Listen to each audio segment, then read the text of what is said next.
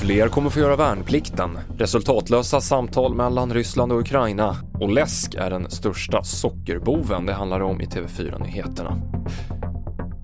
Ja, regeringen meddelade idag att försvaret ska få betydligt mer pengar i framtiden. Försvarsanslagen ska upp till 2% av BNP, men det är oklart när det här kan ske.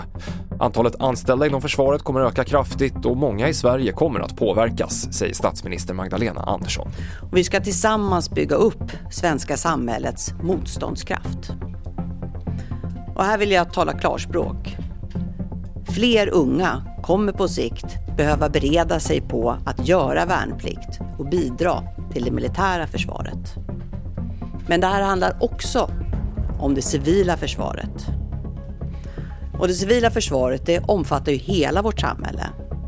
Det viktiga arbete som dagligen utförs på myndigheter, kommuner, regioner, frivilligorganisationer och företag för att förbereda oss för kriser och i värsta fall krig. Mer om försvarssatsningen på tv4.se.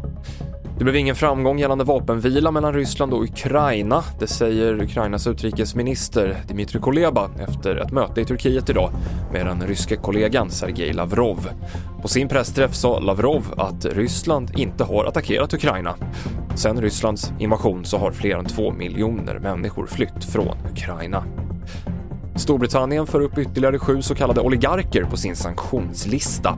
En av dem är fotbollslaget Chelseas ägare Roman Abramovic och det får stor effekt för klubben som inte får sälja biljetter eller köpa och sälja spelare. Däremot kommer man få betala personal och spelare och fortsätta spela matcher.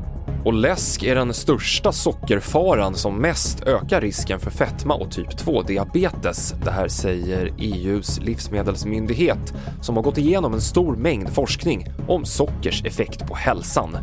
Ju mer tillsatt socker, desto mer ökar risken enligt den nya rapporten. Senaste nytt får du i vår app TV4 Nyheterna. Jag heter Mikael Klintevall.